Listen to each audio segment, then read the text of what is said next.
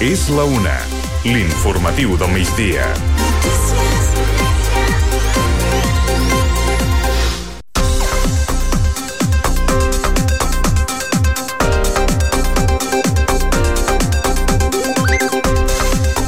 Protesta ciutadana aquest matí a la plaça Catalunya de Pineda davant de l'Ajuntament per l'increment del 25% de l'IBI. Ràdio Pineda ha pogut parlar amb la Laura i la Mariluz, dues de les portaveus d'aquesta protesta. Han explicat que la pujada abusiva d'impostos com l'IBI o les escombraries ha fet que sortissin al carrer. També en Pere, un altre dels manifestants, ha dit que entenen que s'han de pagar impostos però es queixen de la pujada de cop. Argumenten que s'hagués pogut fer una pujada d'un 2% cada any i han demanat a l'equip de govern que mirin més pel poble. Els escoltem.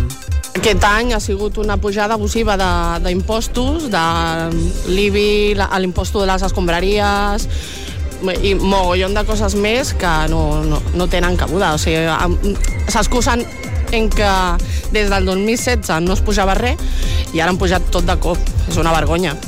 Perquè o sigui, ho veig brutal, o sigui, és una pujada que no... Hi ha molta gent que no podrà pagar-ho. Els impostos es tenen que pagar, això està claríssim. El que no pot ser és que s'hagin que ha pujat un 25% perquè fa uns anys que no, s'ha- no s'ha pujat. El que passa és que el que no pot ser és un 25%. Bueno, entenem que tinc que pujar, com cada any, però no, no un 25%, perquè és que és una brutalitat, o sigui... Eh, és, ja ho esteu escoltant, és un atraco. La protesta s'ha convocat per xarxes socials i ha plegat una setantena de veïns i veïnes amb pancartes a les portes de l'Ajuntament. L'alcalde de Pineda, Xavier Amor, ha decidit reunir-se amb dos dels portaveus dels manifestants. Han mantingut una trobada al despatx d'alcaldia.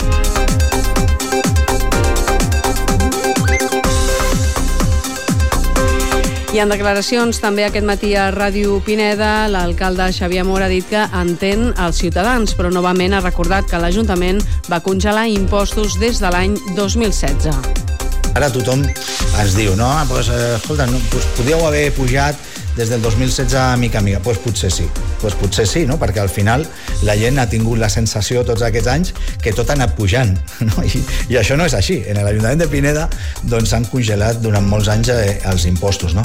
I la gent continua no? demanant molts més serveis, molt més neteja, molta més seguretat, que els parcs estiguin en condicions, tot això que costa, que costa diners i que a vegades no ens adonem, no? però que a vegades també eh, doncs el fet de que hi hagi també un grau d'incivisme que hem d'atacar no? doncs fa que també no? Eh, estiguem encara molt més obligats a fer, a fer tot això. Xavier Amor ha aclarit que hi haurà més ajuts per pagar l'IBI. Ha recordat que l'impost es paga segons les propietats que es tenen. A més propietat, més es paga. Ha remarcat que els ajuts seran per qui ho necessiti i a més que serà molt més fàcil poder sol·licitar aquest ajut. Penseu que la contribució és, una, és un dels impostos, és una base no? pels, pels ajuntaments i a més a més és una base que a més a més és molt solidària, no? perquè al final estàs pagant en funció del patrimoni que un té, no? i per tant els que més tenen més paguen i contribueixen més a la millora, a la millora del municipi, no? però també van ser molt sensibles, no d'ara, de fa molts anys que hi havia gent que qualsevol dels impostos, qualsevol, eh, els hi suposa doncs, un esforç important. No? Per tant, no només en l'IBI, que eh, confirmo que continuarem tenint i que, que l'Ajuntament prestarà l'ajuda amb una fórmula que sigui el més fàcil possible, és a dir, al final la família rebrà, rebrà recursos eh, i al final doncs, eh, continuarem amb el vano no? de, de, de línies d'ajuts que, que tenim. Xavier Amor ha aclarit que no tots els preus han pujat ni tots els imports són increments del 25%. També ha dit que l'IBI es paga en tres rebuts, ha recordat, i que a la majoria de domicilis s'arribarà a pujar uns 20 euros per rebut, segons ha aclarit. Tot i així ha argumentat que no pot respondre una a una les queixes a les xarxes socials i properament faran públic com funcionaran els ajuts.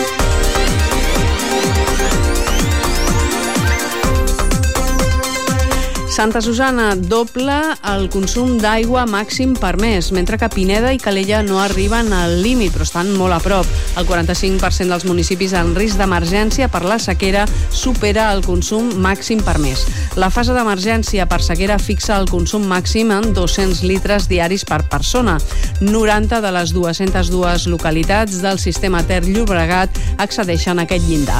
Pineda no arriba ara per ara al límit, ja que el consum és de 193 litres per persona i dia. Tampoc hi arriba Calella, amb un consum de 183 litres. En canvi, Santa Susana dobla el consum d'aigua amb 450 litres per persona i dia. També superen el límit Tordera, Sant Pol, Malgrat i Palafolls. Són dades de l'Agència Catalana de l'Aigua. Si res no canvia, a finals de mes s'activarà l'emergència en aquesta zona que agrupa pobles i ciutats de diverses comarques de l'entorn del Barcelonès i Gironès, entre aquestes el Maresme i la Selva.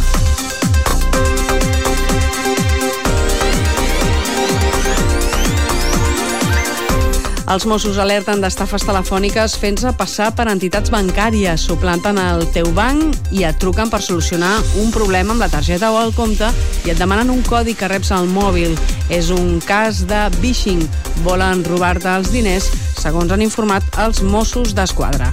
Per tant, davant de trucades inesperades del teu banc, estigues alerta. No et poden demanar dades com ara la contrasenya i no activis cap codi de confirmació que arriba per SMS o informació similar. La millor solució és, davant del dubte, consultar directament i trucant tu al teu banc.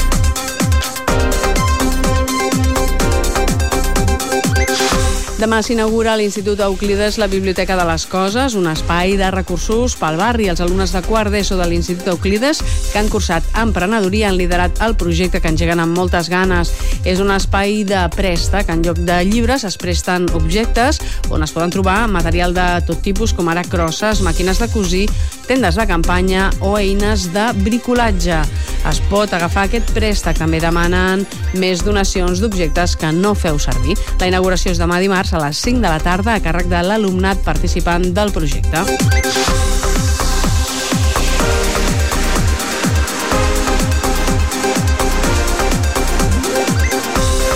Del cap de setmana destaquem que un any més ha estat tot un èxit la calçotada del xip. Van cuinar els 8.000 calçots acompanyats de la salsa romesco feta en base d'ametlla, avanyana i llora. El xip ha fet 160 quilos de salsa amb ingredients naturals i de qualitat. I aquesta és la valoració per part de Rafa Montero, portaveu del xip, i la regidora de Cultura, Verònica Rebollo. Com sempre, un èxit. A més a més, ens ha acompanyat el temps, ha sortit el sol i, bueno, jo crec que ja està, ja queden res, les últimes racions. Els calçots sempre és una cosa que triomfa, que a la gent li agrada, que és un producte que fer-lo a casa és una mica més, en, més porta més feina i fer-ho i la gent ve aquí a plaça a buscar-lo i a gaudir de, de l'activitat.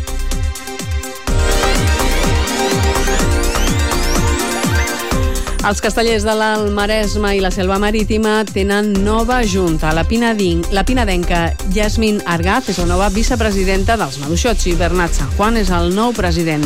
Entre els objectius de la nova junta hi ha l'increment de la massa social i crear una escola de músics perquè tothom qui vulgui pugui rebre classes gratuïtes per aprendre a, trucar, a tocar la gralla o el tabal.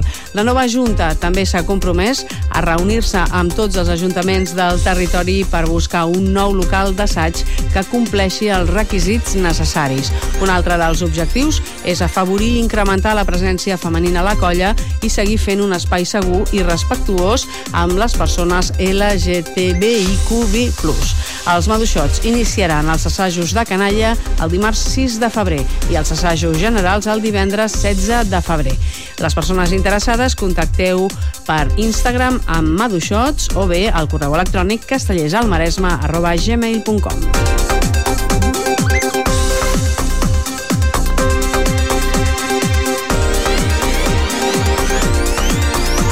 Dels esports, parlem d'equips pinadencs que han fet podi al setè cross semiurbà de Pineda. A la categoria femení absolut, la pinadenca Lluna Martí, del Montpalau Team, ha quedat en tercera posició.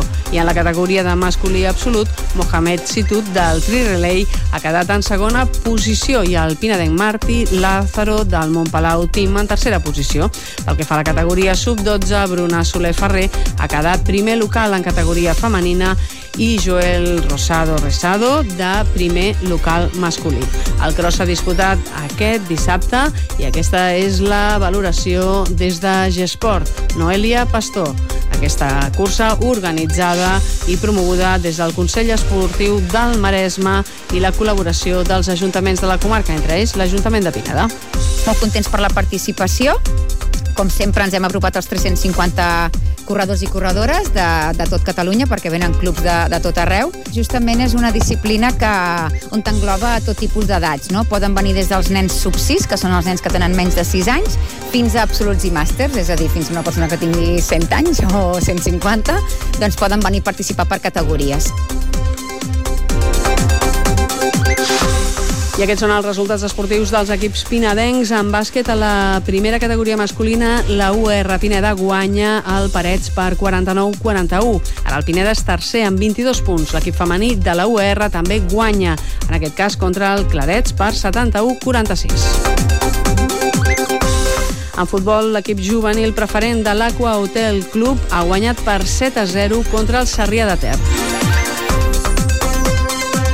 Futbol sala, jornada de descans a divisió d'honor catalana i també a segona divisió catalana, mentre que l'equip del Racing de segona divisió femení, el Pura Brasa, ha guanyat per 3 a 1 contra l'Atlètic català.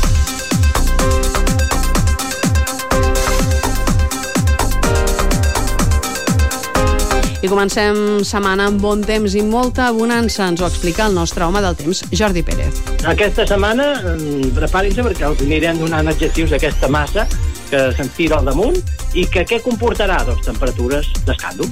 Avui encara no, però sí notarem una pujada de 2-3 graus respecte a ahir, que ahir vam arribar a 13, doncs avui hi ha 15-16, vents de Garbí tota la jornada, més reforçats a, a la zona de costa, ran de costa. Demà dimarts també tornem a repetir la mateixa jornada, sol, Potser uns nuvolets prims, al igual que avui, poden aparèixer en el cel de Catalunya, sense més conseqüències. Demà temperatures sense gaires variacions. Tornem a voltar els 15-16. Dimecres aquesta massa càlida, aquesta dorsal anticiclònica, se'ns tira molt al damunt de la península ibèrica i un sol que escalfarà més del compte. Tot plegat farà doncs això, que dimecres a les temperatures màximes generalitzin cap amunt i de manera clara, evident, i aquí, doncs, dimecres, pues, valors de 18, 19, 20 graus, sovintejaran a gran part de Catalunya, a temperatures molt abonançades, de les mínimes també també tindran tendència a remuntar, i, i a més a més aquest panorama què ens portarà? Quina situació adversa ens portarà? Doncs un de gel, de gel anòmal, per ser a finals de gener.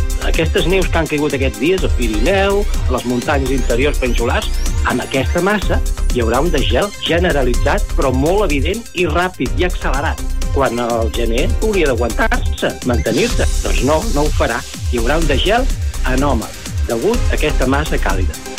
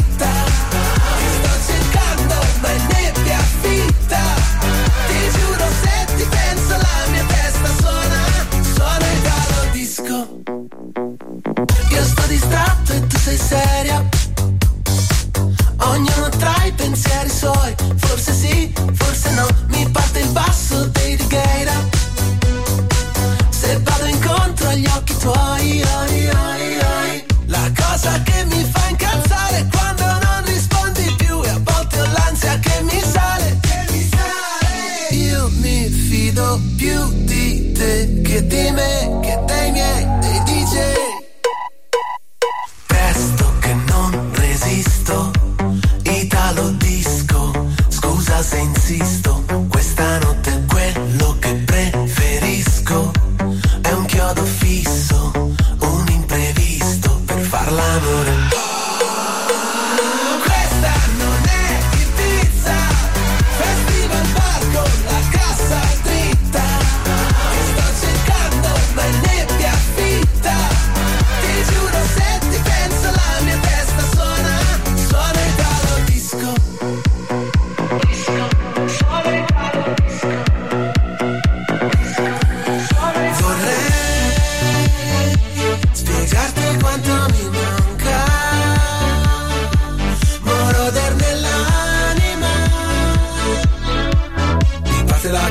cassa e pure sto zitto, Italo disco. Questa non è Ibiza, festival bar con la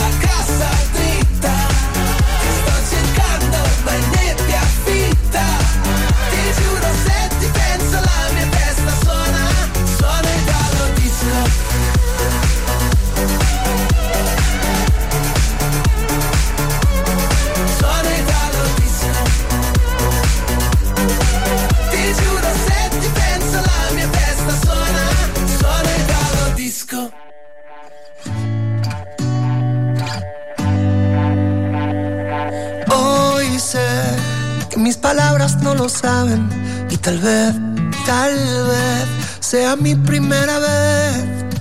Hoy sé que mi vida te esperaba y ya me ves, ya ves. Poco a poco lo diré. Que hace tiempo que el reloj no se paraba, que las risas no callaban, que no entraba tanta luz. Hace tiempo que creía que no podía ser. Estoy temblando de pensar que ya te tengo aquí a mi lado y prometo no soltarte de la mano. Ahora sé que hoy a tus pasos son mis pasos.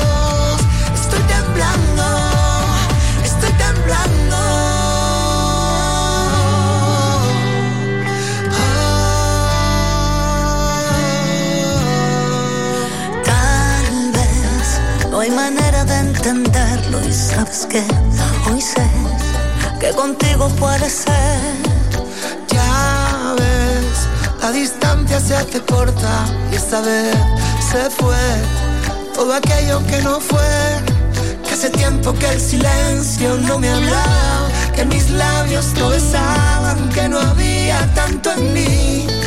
Hace tiempo que creía que no podía ser.